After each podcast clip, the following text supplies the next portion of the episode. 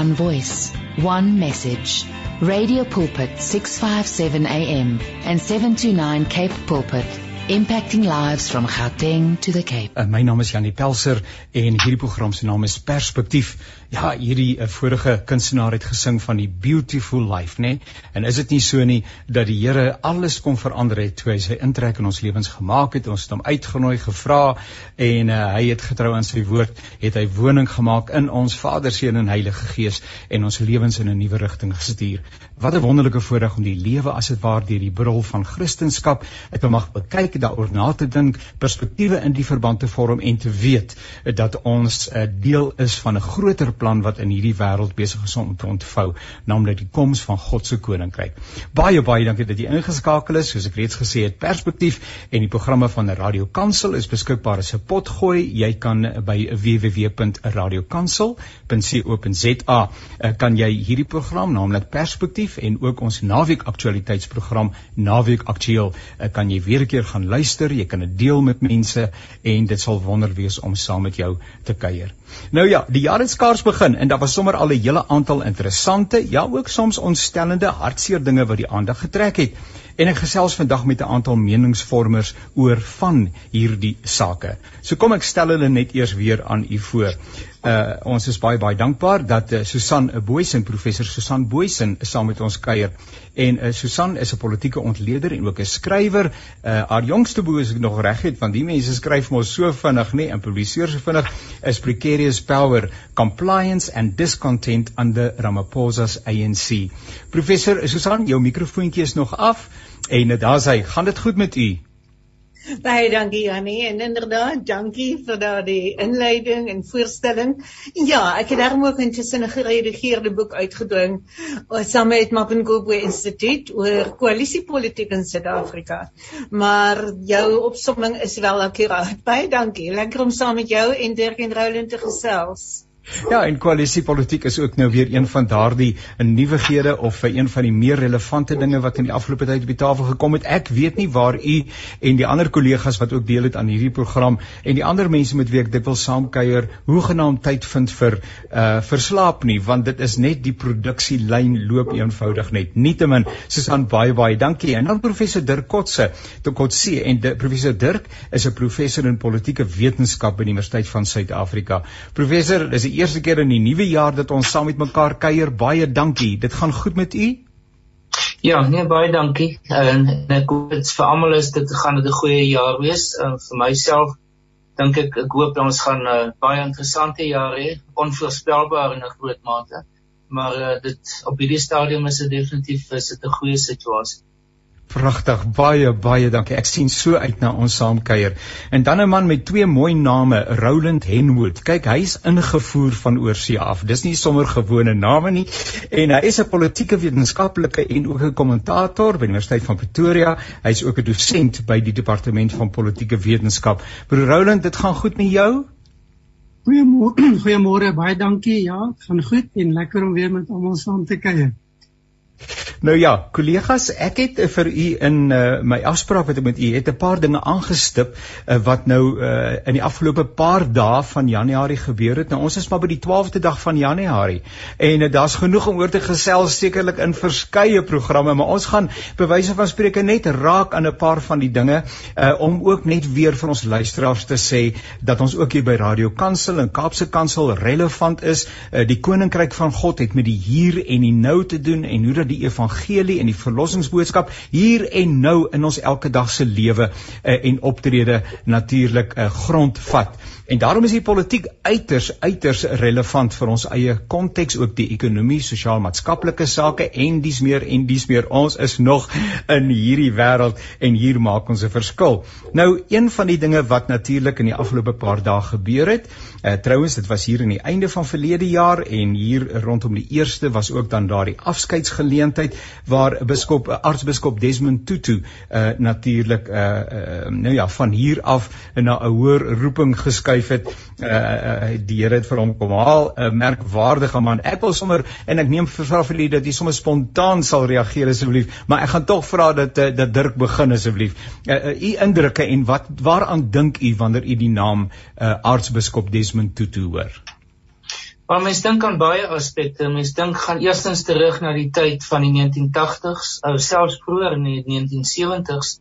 Ehm um, toe hy baie toe hy nog in Soweto gewoon het en hy deel was van die Soweto inisiatiewe, die Soweto ehm uh, groeperings wat uh, te maak gehad het met 1976 se situasie met die verskillende probleme rondom elektrisiteit, ehm um, die die boikotte verbruikersboikotte en ander vorme van boikotte wat daar was wat hy saam met mense soos uh, suster uh, in in Kube uh, in sowel as Cyril Ramaphosa en verskeie ander figure deel was van daardie groeperings.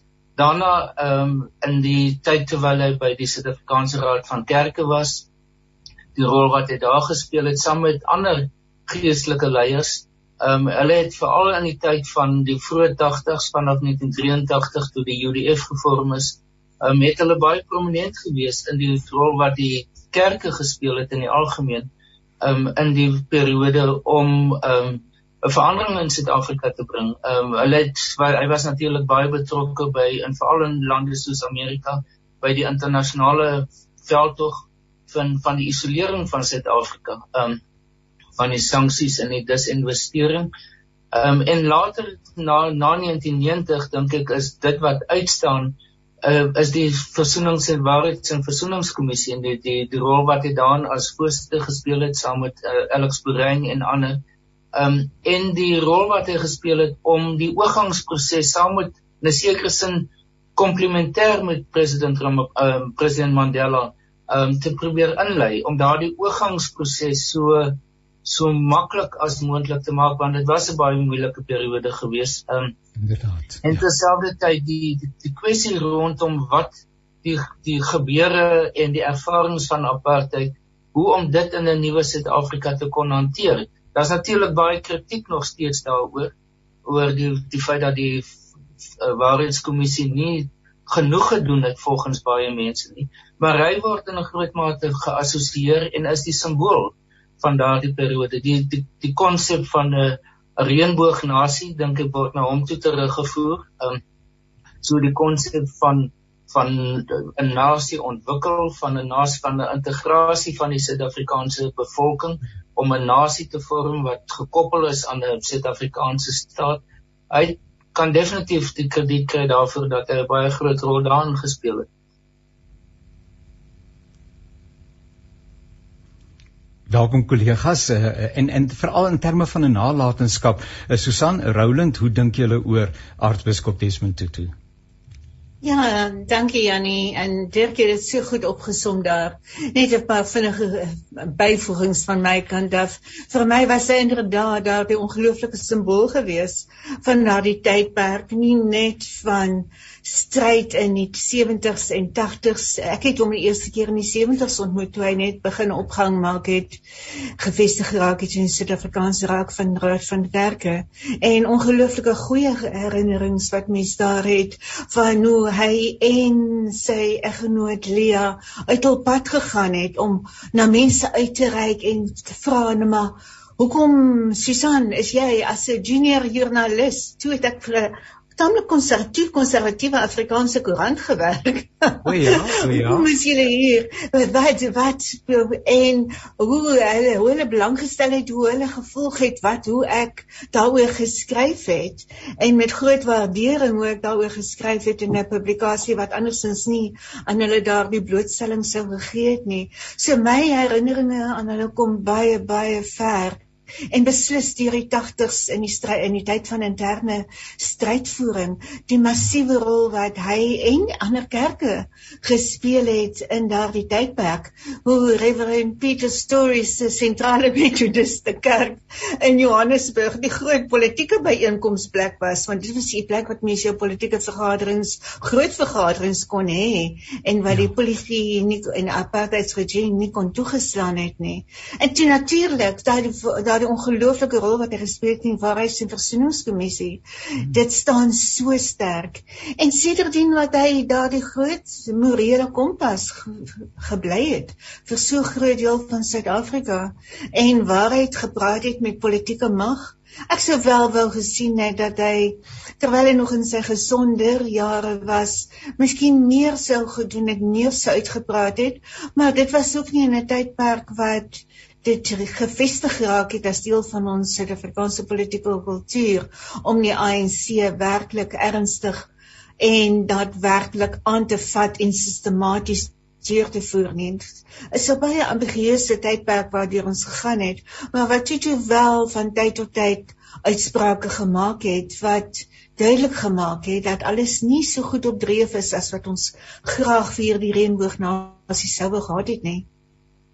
Ja, en en Roland, daar word gepraat van die einde van 'n era, dan wonder mense nou wat dit beteken en wat lê dan nou vir ons aan die ander kant voor, want as iets nou tot 'n einde gekom het, moet daar seker nou iets van die grond af kom.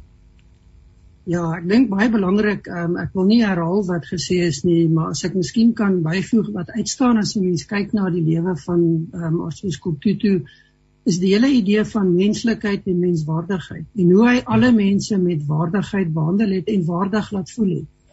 Hy het nooit uit sy pad gegaan om mense af te breek en ondergeskik te stel nie. En um, ek het dit gesien in baie moeilike omstandighede. Ek onthou as 'n jong student op die Tikkie kampus waar hy toespraak kom maak het en waar dit geweld dit het rof gegaan. Hm. En hoe hy sy om dit mooi te stel sy koel cool gehou het en nog steeds almal ordentlik behandel het en waardig behandel het. Hy het nie die vlak van politiek bedryf wat party van die mense wat hom aangevat het bedryf het nie. En en dit is iets wat 'n mens gesien het regdeur sy lewe tot op die einde het hy op daai manier opgetree. En dit is wat hom waarskynlik so 'n imposante figuur gemaak het en ook so 'n belangrike simboliese figuur gemaak het. So baie belangrik gewees die feit dat hy getrou gebly het aan sy waardes. Ehm um, Susan verwys na die moeilike tye wat ons deurgegaan het, ehm um, hoe hy onder druk geplaas is veral in die tydperk van president Zuma en hoe die ANC tot 'n groot mate op 'n leierskapsvlak teen hom gedraai het omdat hy as disloyaal beskou is. En ek dink dit is die les ook wat 'n mens kan leer en vorentoe neem, is dat jou waardes, jou waardigheid, die grondslag van dit wat jou maak optree. As jy dit begin ondergeskik stel aan ander belange, dan gaan jy nie oorleef en jy gaan nie die impak hê wat afgeskop toe toe gehad het nie.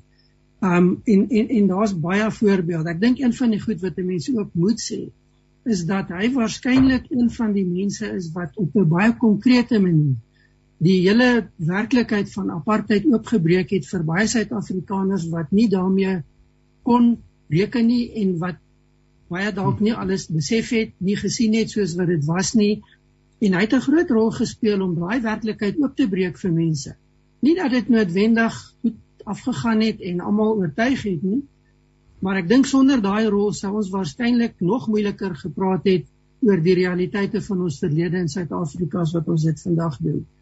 Nou, nou jou jou vraag is dis die einde van 'n era en ongelukkig ja, ons sien al hierdie groot name, die mense wat histories leidende figure was, is besig om weg te val weens ouderdom. En die vraag wat 'n mens moet vra is wie is die nuwe opvolgers wat die leiding neem in die toekoms? En daar sit ons met 'n gemengde prentjie. Ehm um, baie van die mense wat op die stadium hulle self voorhou en voorgestoot word, is ongelukkig nie die tipe persone hulle kan nie vergelyk word met die toetoes van die lewe nie. En hulle gaan nie as hulle dit doen wat ons nou sien ooit daai status en statuur bereik nie. So vir my is dit baie belangrik dat mense kennis neem en begin betrokke raak en optree op 'n manier wat 'n groter gemeenskap van verantwoordelikes na vore laat kom. Ek dink ons moet ook vir mekaar sê dat ons waarskynlik baie vinnig besig is om by die tyd agter te laat waar 'n klein groepie enkelinge hierdie ja. rol gaan kan speel.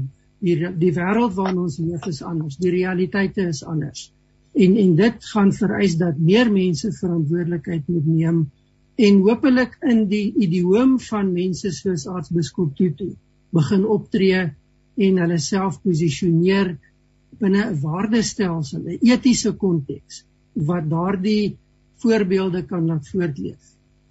Ja, wonderlik. En as ek nou aan hom dink voordat ons aanbeweeg na 'n volgende 'n baie relevante tema uh met julle toestemming, uh, dan was hy en hoor ek ook in gesprek met verskeie mense dat hy 'n baie baie diep gelowige, vroom, opreg vroom mens was wat geglo het in die krag van gebed. En dan kom daardie geleentheid by my op waarin hy die ANC gewaarsku het en gesê het ons het gebid uh, vir die val van die apartheidsregering uh, van daardie vorige bestel en ons wil vir julle waarsku. Uh, ons sal ook hier hierdie die krag van gebed as dit ware uh, aan die werk sit. U luister na die programme van Radio Kansel en Kaapse Kansel. Hierdie program se naam is Perspektief en ons gesels oor die realiteite van ons eie dag, veral met so 'n bietjie klem op die uh, politieke uh, landskap. Nou 'n uh, ander saak wat natuurlik op die tafel is en wat in die volgende maande nog uiters relevant gaan wees, is die lywige verslag waarvan nou nou nie die eerste gedeelte verskyn het, uh, die sogenaamde Zondo uh, verslag of dan nou lief die staatskapingsverslag verslag uh, van uh, uh, regter Zondo wat dan op die tafel gekom het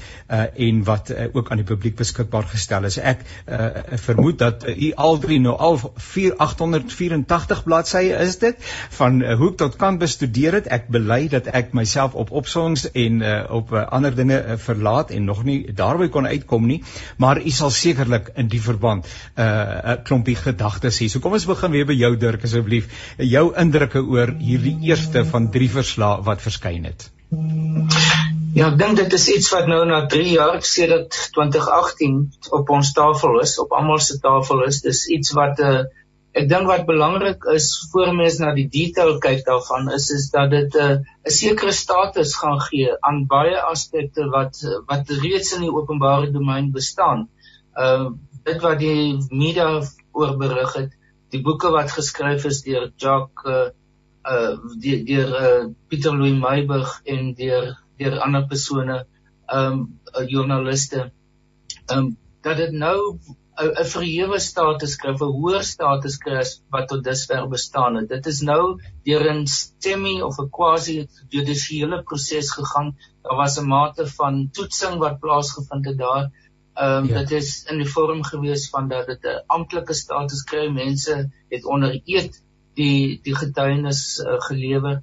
Ehm um, en die gevolg daarvan, die uitslag van die die uh, verslag is dus dat dit ehm um, beredeneerd is. Dit is iets wat deur die regter oorweeg is en tot sekere gevolgtrekkings gekom het en sekere aanbevelings gemaak het. So dit beteken dat die wag en sien situasie wat van tevore bestaan het, dat dit in 'n groot mate oor is dat daar nie meer verskoning sal wees vir die nasionale vervolgingsgesag of die ander ondersoek in eenhede binne die uh, binne die uh, staatsregstelsel um, om te sê ons moet wag en sien wat die uitslag van die sondekommissies sal wees.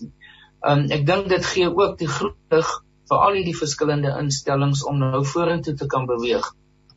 Ek dink nie wat ons moet verwag is dat daar 'n vloedgolf van van vervolgings gaan wees. Ehm uh, wat ek dink wat besig is om plaas te vind is eerder om te sê daar is ons het nou in in 'n maat 'n groot mate van sekerheid oor wat staatskaping beteken het, wat die implikasies daarvan is, wie daar daarbey betrokke was.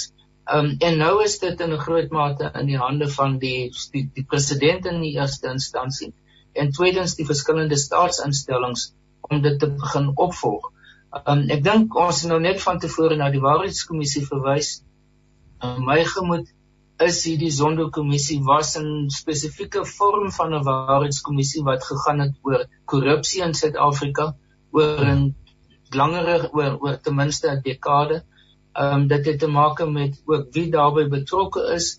Ehm um, en ek dink daar's nie meer wegkruipplek vir baie mense in in terme van wat uh, wat die wie verantwoordelikheid hiervoor moet neem. Wat ek dink wat ook interessant is in die eerste verslag reeds is dat dit gaan nie net oor die Zuma persone nie, dit gaan nie net oor die ANC of die regering nie, maar dit sluit ook die private sektor in. Spesifieke maatskappye word by die naam genoem. Um, en dit beteken dat daar 'n uh, 'n groter verantwoording dus verwag word van Suid-Afrikaners in die algemeen. Dis die idee van dat dit is Zuma en sy volgelinge is verantwoordelik vir staatskaping. Dit dink ek het in, in 'n groot mate is deur hierdie verslag tersyde gestel. deur te sê dat dit is dis 'n baie dieper proses wat plaasgevind het, meer omvangryk. Um en eintlik kan baie baie min mense hulle self totaal al verontskuldig daarvan om te sê dis net die regering of net die Zuma volgelinge. Um want spesifieke private sektor baie leidende bekende private sektor uh, maatskappye word by die naam genoem. Um, en ek dink dit dit is vir my dink ek die deurbraak wat daar nou is um, en soos ek sê dit dit skep nou die die um, die situasie waar beide president Ramaphosa sowel as die verskillende staatsinstellings um, nou moet begin reageer daarop. Die een ding wat weer eens wat die waarheidskommissie vir ons gewys het is dat staatsinstellings is soms baie stadig om op hierdie tipe van groete te reageer. Um, en dis deel van die kritiek van die ware die waarheids- en versoeningskommissie. Ek dink dis die groot uitdaging nou vir die vir president Ramaphosa en sy administrasie om seker te maak dat dit hulle dit nie gaan herhaal nie, maar dat dit wel gebruik gaan word as 'n katalisator om verder vorentoe te beweeg. Ek dink wat laastens wat dit ook doen is dat dit die die Zuma ondersteuners in die sogenaamde radical economic transformation groepering op op die agtervoet het want vir die eerste keer kan hulle nie meer sê maar dis net beweringe. Nou is dit iets wat ou soos ek vroeër gesê het ou 'n meer formele status het en hulle sal dit in die hof moet betwis om te sê maar dit was nie waar of dis nie geldig wat die regter uh, by uitgekom het. Ja. Nou is daar die verwagting van sê maar Jan publiek? Uh, dit het uh, baie belastinggeld gekos 3 jaar se wag en geduld. Uh die sake is telke male weer uitgestel en uh so daar is die uh professor Susan die regmatige verwagting van uh normale mense, grondvlak mense. En dan is daar die realiteit van wat ehm um, realisties verwag kan word en gaan uitspeel. En dan as ek daarmee saam dink net oor uh, die omvang net van die eerste verslag. Wat of vir sê van die ander twee wat moet volg? Uh, is die wederkoms uh, gaan dit gaan dit nie die hele proses in die wiele ry nie? Want ek dink nie ons gaan die sake afhandel voor die wederkoms nie. Inderdaad dis 'n kwessie van tyd. Ons ons jaag teen die tyd hier Janie Ja, dit ons daar is beslis vordering gemaak deur hierdie ondersoek, die kommissie se werk, die verslae wat nou begin uitrol. En daar is groter duidelikheid, daar's 'n konsolidasie van die waarhede, van die feite waarvan ons in 'n groot mate reeds bewus was. En tog um, skep dit 'n baie duideliker en 'n onstandige ontstellende prentjie van die stand van sake van wat alles gebeur het onder hierdie omvattende stelsel van staatskaping en korrupsie. En ons weet ook in hierdie politieke kultuur wat ons self het in die uitdaging en die betwisting van regsuitsprake van kommissie uitsprake weet ons dit is beslis te verwagte te wag kan verwag word dat daar baie uitdagings gaan wees dat daar dit nog na ander howe toe gevat gaan word en gesê gaan word maar dit is nie waar nie maar dit is onvolledig dit is ongebalanseerd. Daar's soveel byredes wat ons weet mense gaan uitpluk en sê dit kan nie net aanvaar word nie. En dit gaan ook staan in die konteks van natuurlik nie net die individue individuele maatskappye wat 'n groot deel gehad het die private sektor natuurlik maar dit was nie lukraak net in die algemene private sektor gewees nie. Dit was beslis private sektor maatskappye wat ingeskakel het by die staatskapingsnetwerk waarin Jake voor voormalige president Jacob Zuma se naam baie sentraal staan.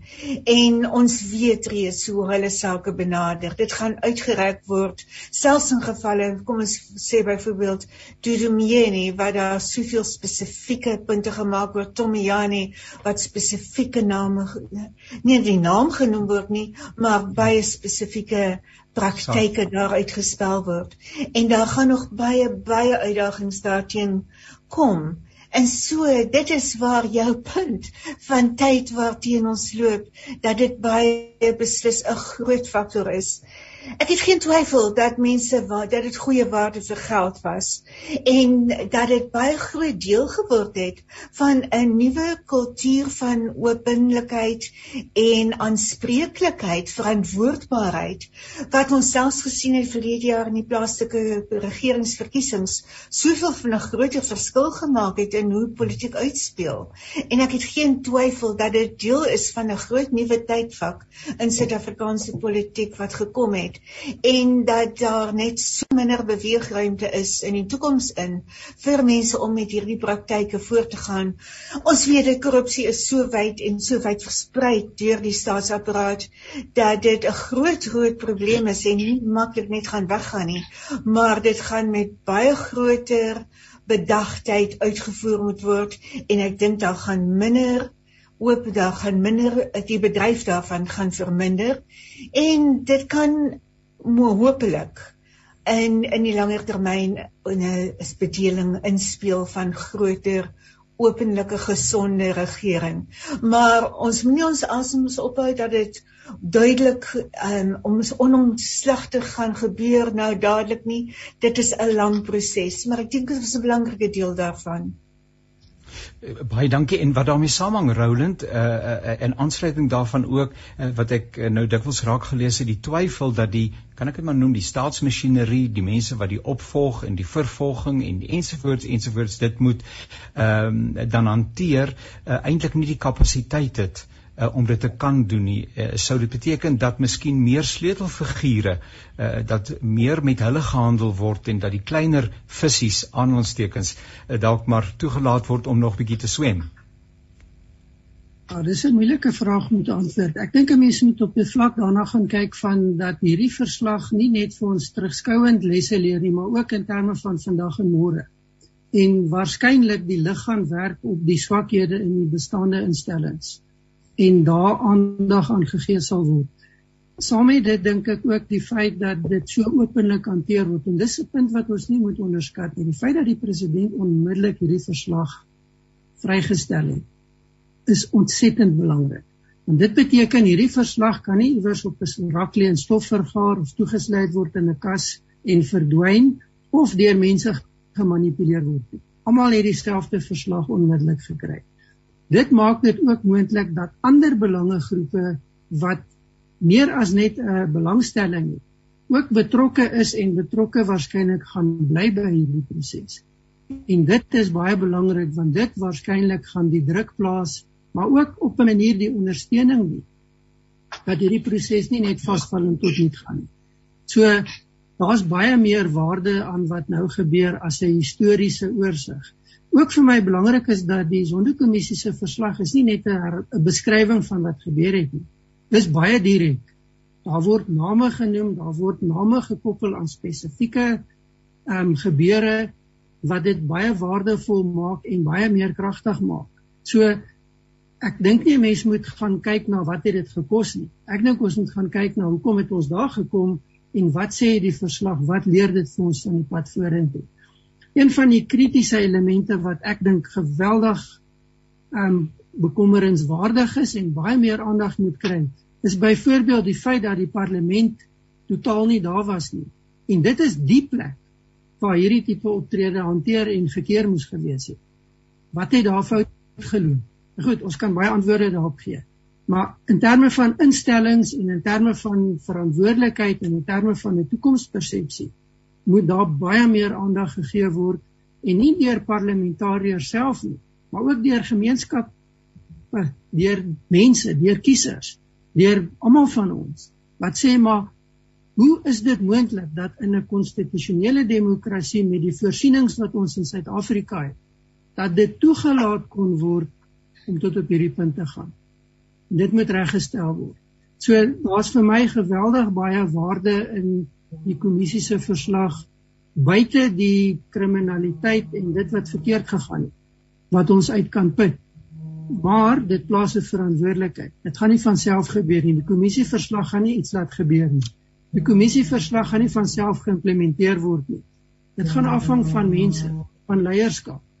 Die president is in 'n baie moeilike posisie want hy gaan baie moeilike keuses moet uitvind ten opsigte van mense wat baie na hom is in sy eie party, in sy regering.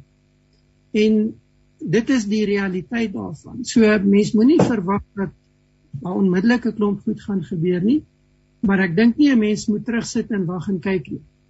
Want dit gaan ook nie iets laat gebeur nie. Um ek het simpatie met mense soos president Ramaphosa, um ten spyte van al die kritiek wat hy verdien om hierdie ding te moet hanteer en dan te oorleef binne sy party is op pad na 'n leierskapsverkiesing toe. Dit gaan moeilik wees. En tot 'n mate het hy waarskynlik hierdie keuse tussen sy verantwoordelikheid en lojaliteit aan sy party en sy verantwoordelikheid en lojaliteit aan Suid-Afrika en die Suid-Afrikaanse samelewing. En en dit is nie noodwendig dieselfde nie. So hy's in 'n baie baie moeilike posisie. Jy luister na programme van Radio Kansel en Kaapse Kansel. Hierdie program se naam is Perspektief. Deelnemers aan hierdie program is professor Susan Booysen, professor Dirk Kotse, of Kotse en Roland Henwood. En ons gesels oor die uh, sake wat in die afgelope tyd op die tafel gekom het. Nou in aansluiting daarbey professor Dirk, uh het ons nou uh verwys na uh, dink ek aan die aan die onlangse uh Januarie 8 verjaarsdagvieringe van die ANC daar in die noorde in Polokwane as ek dit reg het in daai omgewing en ehm um, die sogenaamde verklaring die manier waarop meneer Ramaphosa weer 'n uh, 'n dringende oproep gemaak het na uh, om konsekwent te wees in terme van uh, dit wat uh, mense opgedra is om te doen eerlikheid korrupsie se bestryding en alles wat daarmee verband hou. En en, en uh, professor San het reg uh, aangedui dat die Zondo uh, verslag meer mense en meer 'n uh, uh, uh, groter omgewing betrek as net die politieke uh, landskap. En tog die vraag of die politieke wil daar is.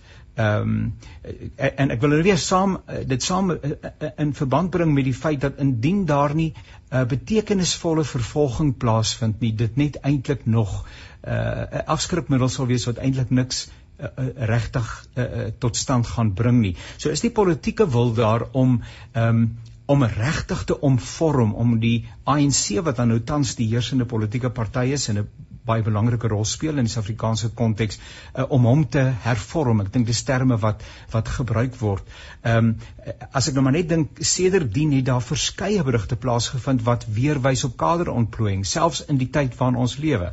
So uh, die goeters gebeur, maar dis asof mense nie die lesse leer en nie gemotiveerd is om daadwerklik 'n verandering teweeg te bring nie. Ja, ek dink daar is nou 'n hele klomp punte waarna jy verwys. Ehm um, om mee te begin die die 8de Januarie verklaring wat ek dink on nou die jongste dokument is wat ons soort van as 'n basis kan gebruik om te sê wat is die ANC se visie vir 2022? Ehm um, wat is die program van aksie wat hulle voorstel? Want ten minste teoreties gesproke is dit die basis waarop die Legotlas van die ANC in die kabinet gaan verder besprekings voer en wat dan gaan lei tot die basis van die staatsrede wat op die 10de Februarie gaan plaasvind. Ehm um, so dit is 'n basis van waarna ons kan kyk om te sê wat is wat is die jongste verwagtinge? Wat is wat het die ANC reeds uitgespel van wat hulle wil doen beide as party sowel as regering? Um, ek dink die meeste mense sal waarskynlik sê wel daar's nie baie nuut gewees in hierdie verklaring van die 8de Januarie nie. En ek dink ek moet onmiddellik ook sê dit wat ons gehoor het wat president Ramaphosa gesê het was in 'n groot mate die in opsomming van daardie verslag of, of verklaring um, wat deur die nasionale uitvoerende komitee geformuleer is is eintlik 'n komitee dokument. So dis nie mens moet dit nie aan hom as persoon noodwendig reg nie, maar eerder in sy in die kapasiteit as president van die ANC dat hy daar gepraat het. Um, maar dit het natuurlik dink ek baie insette van sy kant gekry. En ek dink een van die punte wat uitstaan uh, is die feit is die klem wat hy geplaas het op hernuwing. Net die die feit dat daar ook nou ehm um, gepraat word of verwys is na die die skepping van 'n kommissie vir hernuwing binne die ANC. Ehm um, daar is nog geen duidelikheid oor wie in die kommissie sal wees en wat hulle verwysingsraamwerk gaan wees nie. Maar die die klem word geplaas op aan aan vernuwing binne die ANC self as organisasie ook vernuwing binne die die die land as geheel en daar word ook verwys weer eens na die idee van 'n ontwikkelingsstaat ehm um, en maar dat 'n ontwikkelingsstaat waarin wat baie ehm um, sterk kapasiteit kan ontwikkel. So die, die idee dat die beginpunt van baie aspekte van ontwikkeling in Suid-Afrika dat dit by die die die openbare sektor moet begin of by die staat, dis iets wat die ANC steeds baie sterk op klem lê. Terselfdertyd in die verlede en dis iets wat eintlik nie in hierdie verklaring uitgekom het nie, is dat die in veral tydens die pandemie en en vroeër ook was die idee van 'n van 'n openbare privaat vennootskap van 'n wat moet gevorm word veral by die die ontwikkeling van infrastruktuur in Suid-Afrika. Um wat wel uitgekom het in hierdie verklaring is die die konsep wat president Ramaphosa reg van die begin af van 2018 af baie dikwels gebruik het is die idee van 'n sosiale kompak. Um, en dit is nou meer dan binne spesifieke sektore in die ekonomie, so sê maar die motornywerheid of die indus uh, uh, landbou of verskillende ander aspekte waar die regerende die die openbare sektor en die private sektor en verskillende rolspelers in so 'n sektor moet uiteindelik bymekaar kom. Vakbonde ook en tot 'n vergelyk of 'n ooreenstemming ooreenstemming kom oor wat is die groot prioriteite wat is die riglyne wat gebruik moet word um, binne die wat is die parameters waarbinne dit kan plaasvind. So ek dink dit lyk asof hy hy self besig is om terug te gaan daarheen ook na die idee van die die ekonomiese plan wat hy uh, bekend gemaak het laat in 2020 uh, wat deels in reaksie op die pandemie was maar wat ook deels in reaksie op die die die koste van staatskaping is. Want ek dink dis een van die aspekte wat waarskynlik die Ramaphosa era gaan domineer. Is die feit dat hy met twee groot krisisse gedomineer uh, gekonfronteer word. En dit is eerstens die die die nalatenskap van die Zuma era en tweedens die pandemie wat eintlik bo op mekaar kom en mekaar in 'n sekere sin versterk die die problematiese aspekte daarvan So mens kan in 'n groot mate eintlik sê dat dit gaan moeilik wees vir president Ramaphosa om by sy eie agenda uit te kom want dit is eintlik 'n reaktiewe agenda. Dis 'n agenda van herbou, dis 'n agenda van herstel. Dis 'n agenda van weer om die ekonomie op sy voete te kry. Um en nie so seer om met visionêre nuwe idees te kom van hoe om die ekonomie uh op 'n totaal ander basis te plaas nie. In die proses is daar natuurlik geleenthede daarvoor. Mens dink byvoorbeeld aan die die skei wat gemaak word in die energie sektor met hernubare energie. Die krisis wat Eskom veroorsaak het en wat tot hopelik tot meer innoverende idees en en beleid uiteindelik gaan lei. Um en en al in die digitale sektor ook. Is daar's ongelooflike geleenthede daar en die feit dat daar nou 'n nuwe minister van kommunikasie is, dink ek gee mense 'n bietjie meer soort van hoop dat dit in daardie rigting gaan beweeg.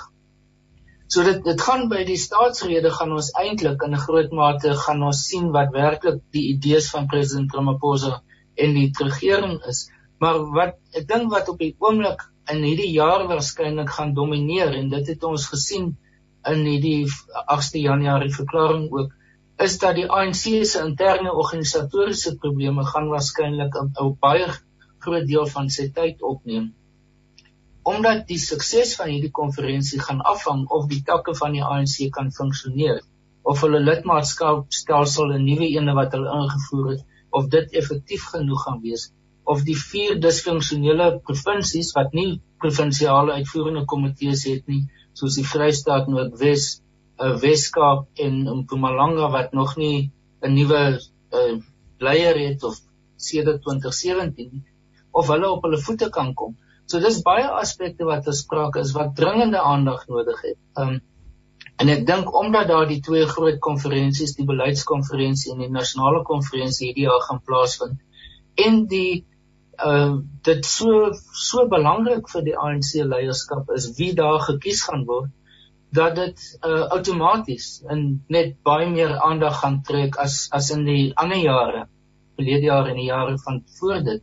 Ehm um, so ek dink mense moet verwag dat dit nie noodwendige jare is van nuwe beleid wat die ANC of wat die regering gaan aankondig byvoorbeeld in die staatsrede nie omdat dit hierdie soort van oorgangsjaar is met die uh, beleidskonferensie ook um, maar eerder 'n jaar van konsolidering vir die ANC gegee die groot verliese wat hulle verlede jaar in die plaaslike verkiesing gelei het en 2019 in die nasionale en provinsiale verkiesings ook.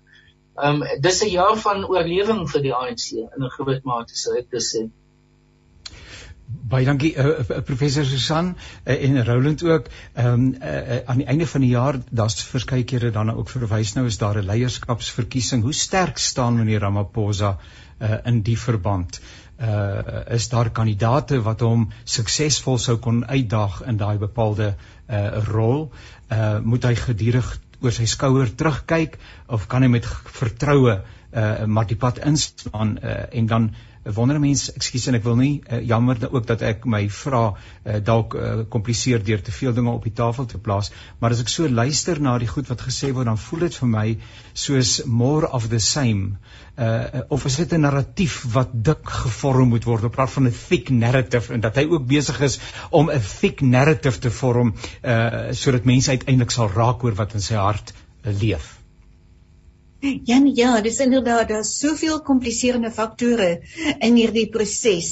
Een ding wat ons baie verseker weet, is dat hier nie 'n gewone 'n gewone moeilike jaar vir die ANC gaan wees nie. Hierdie jare waarin ons die beleidskonferensies sien en die verkiesingskonferensies van die ANC is gewoonlik baie moeilike jare waar daar baie kontestering is en geleidelike opbou is as die die lidmaatskap en die takke en die streke en die provinsies hulle posisies begin duidelik maak, dan kan ons sal ons eers verseker weet wie presies dit is wat teen president Ramaphosa en dit is in hierdie stadium dis se geruime tyd baie duidelik dat hy wel 'n kandidaat sal wees.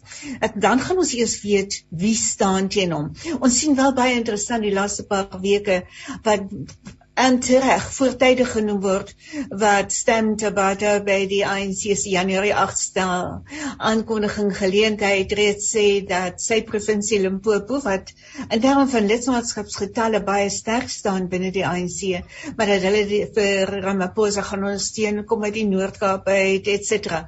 Maar uit al hierdie provinsies en oor die hele oor die hele spektrum van die provinsies is daar baie duidelik aanduidinge dat men dat daar ook openering gaan wees dat ander kandidaate gaan uitkom.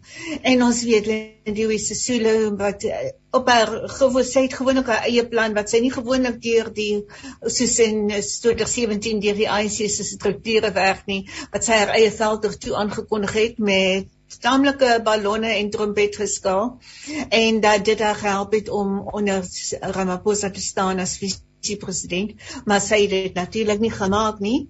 En die die res is geskiedenis, maar hier is sy weer en op ongewone maniere kom sy deur en maak baie duidelik dat dit daar daar planne is. Maar sy gaan beslis nie enigsins wees wat of direk wil staan teen Ramaphosa en daardie posisie van visie-president ehm um, saam met hom te loop in daardie stelsel nie. So daar gaan nog baie verwikkelinge kom en wat die lidmaatskaps aanbetref stelsel aanbetref dit natuurlik onder nou opgeskorte sekretaris-generaal Schule gekom wat daardie getal lede onsaglik uitgebrek het op die elektro elektroniese registrasiestelsel, maar dat hulle nog grootliks geverifieer moet word. En so dan nog baie betwisting wees van watter takke en watter streke watter status het. Baie groot tye daarso. Maar belangrik hierdie jaar is dit nie 'n gewone jaar is vir die ANC en ANC regering nie. En dit is oor die goed wat vir verlede jaar afkom het natuurlik daardie onderste van Julie verlede jaar wat 'n groot groot impak gehad het en 'n groot aanduiding weer gewas van die tipe van politiek wat ons nou het en wat die ANC dit baie moeilik vind om die hele staatsapparaat te beheer en wat hulle nie daardie onderste maklik onder beheer kon bring nie wat die weermag ingebring moes word en dit geleidelik uh teen reaksie daarteen begin ontwikkel het. Maar dit is nou is nog geen oplossing daarvan nie. Daar's nog geen duidelike verduidelikings en aanspreeklikheid het nog nie uitgekom nie. En so dit is nog met ons daardie moontlikhede dat soortgelyke gevalle in toekoms kan gebeur.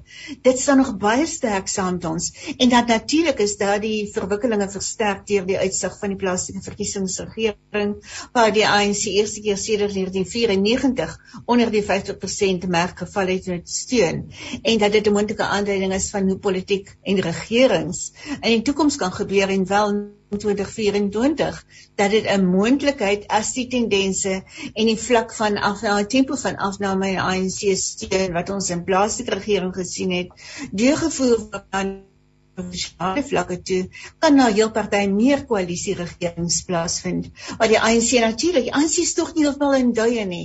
Dit dit dit verloor steun links en regs en oral. En maar dit val nie in duie nie. Elke keer kom daar tog weer een of ander kar na vore en dit is die storie van die ANC in hierdie tydperk. Dis die storie van die tipe van ANC wat Cyril Ramaphosa moet probeer bestuur en wat hy vir sy leierskaps aanspraak sake en ambisies sal moet kan wys dat hy in beheer is van hierdie staatsapparaat dat die ANC regering in beheer is en dis iets wat hy baie moeilik gedoen sal kry in tye wat daar net een of een of ander vernedering na die ander vir die ANC deur hierdie tydperk gaan. En groot maar ook nie die ANC van die ANC wat die by verre die grootste party is al verswak dit so ernstig bly die grootste party en dis 'n party wat waarskynlik nog in regering sal bly of koalisie regering sal moet lê en vir Ramaphosa om te sê dat dit 'n sterk party is wat sterk aansprake kan maak en sterk beloftes kan maak. Ons het reeds op 8 Januarie gesien dat hy gesê het dat baie keer dit is nie hulle te in die verlede keer baie keer te groot beloftes gemaak en hy het gesê hulle het nie die vermoë om sekere goed te doen nie. En nou jy's gevra of jy tipe tipe van kompak waarna my kollegas verwys maar dit is nie die plan waarmee 'n party in 'n regering kan ingaan nie. So dit gaan so ongewone jaar wees van so 'n veranderde en veranderende ANC en waar my laaste punt op hierdie een is dat die ANC nie kan sê soos wat om dit half deur die sondekommissie se verslae deurkom. Dit is ander mense wat doen nie. Dit is die ANC wat ons by hierdie situasie uitgebring het. En is dit uh, eh, ANC al stem mens baie keer nie saam met die punte wat daardie RET faksie maak nie, maar dis punte waar in Ramaphosa as visiepresident 'n groot deel gehad het waarin daar baie duideliker uitgepraat moes gewees het en dat ons groter verduidelikings nou nodig het. En groter verduidelikings as wat president Ramaphosa aan die Sonderkommissie aangebied het. Dankie Jannie. Jo, daar's almal baie uh, aanverwante sake in 'n mens se gedagtes hardloop ver en wyd.